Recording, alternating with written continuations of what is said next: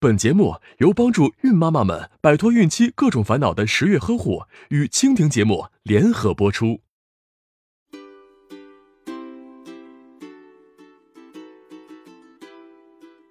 听说产检时有个检查叫 NT，NT 是什么？难道这和 ET 有什么关系吗？对很多孕妈妈来说，NT 检查这个词还是比较陌生的。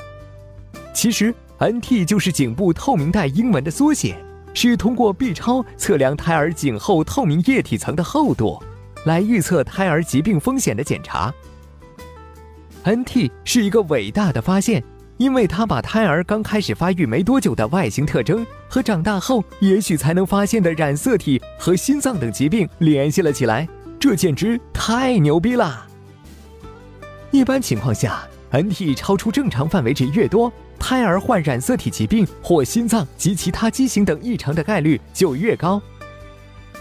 NT 就像尾巴一样，只出现一段时间，在十一至十三周加六天能够清楚的检查到，十四周后就会慢慢被吸收，最终变成了 NF，也就是颈部褶皱。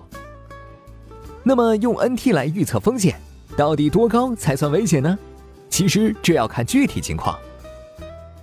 首先，NT 会随着孕周的增加而增加，也就是说，如果同一个 NT 值十一周测出来就要比十三周危险，但有时胎儿即使没有异常，NT 也会一过性增高。所以这项检查应该尽量早些，比如在十二周加三天前。如果十三周后 NT 较高，就可能没机会复查，不知道是一过性的还是真的高了。所以，当发现怀孕，如果打算要这个宝宝，建议提早预约 NT 检查。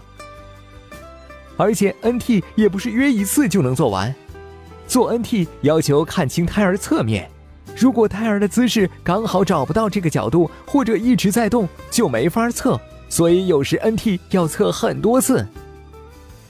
NT 和宝宝是低头还是后仰也有很大关系。一般胎儿后仰时的 NT 会比正位约厚零点六毫米，低头时约薄零点四毫米。所以 NT 的标准值要参考孕周、胎儿姿势等综合分析。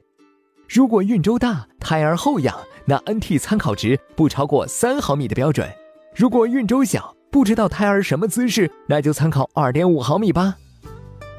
NT 也只是筛查，所以还要结合唐筛一起参考。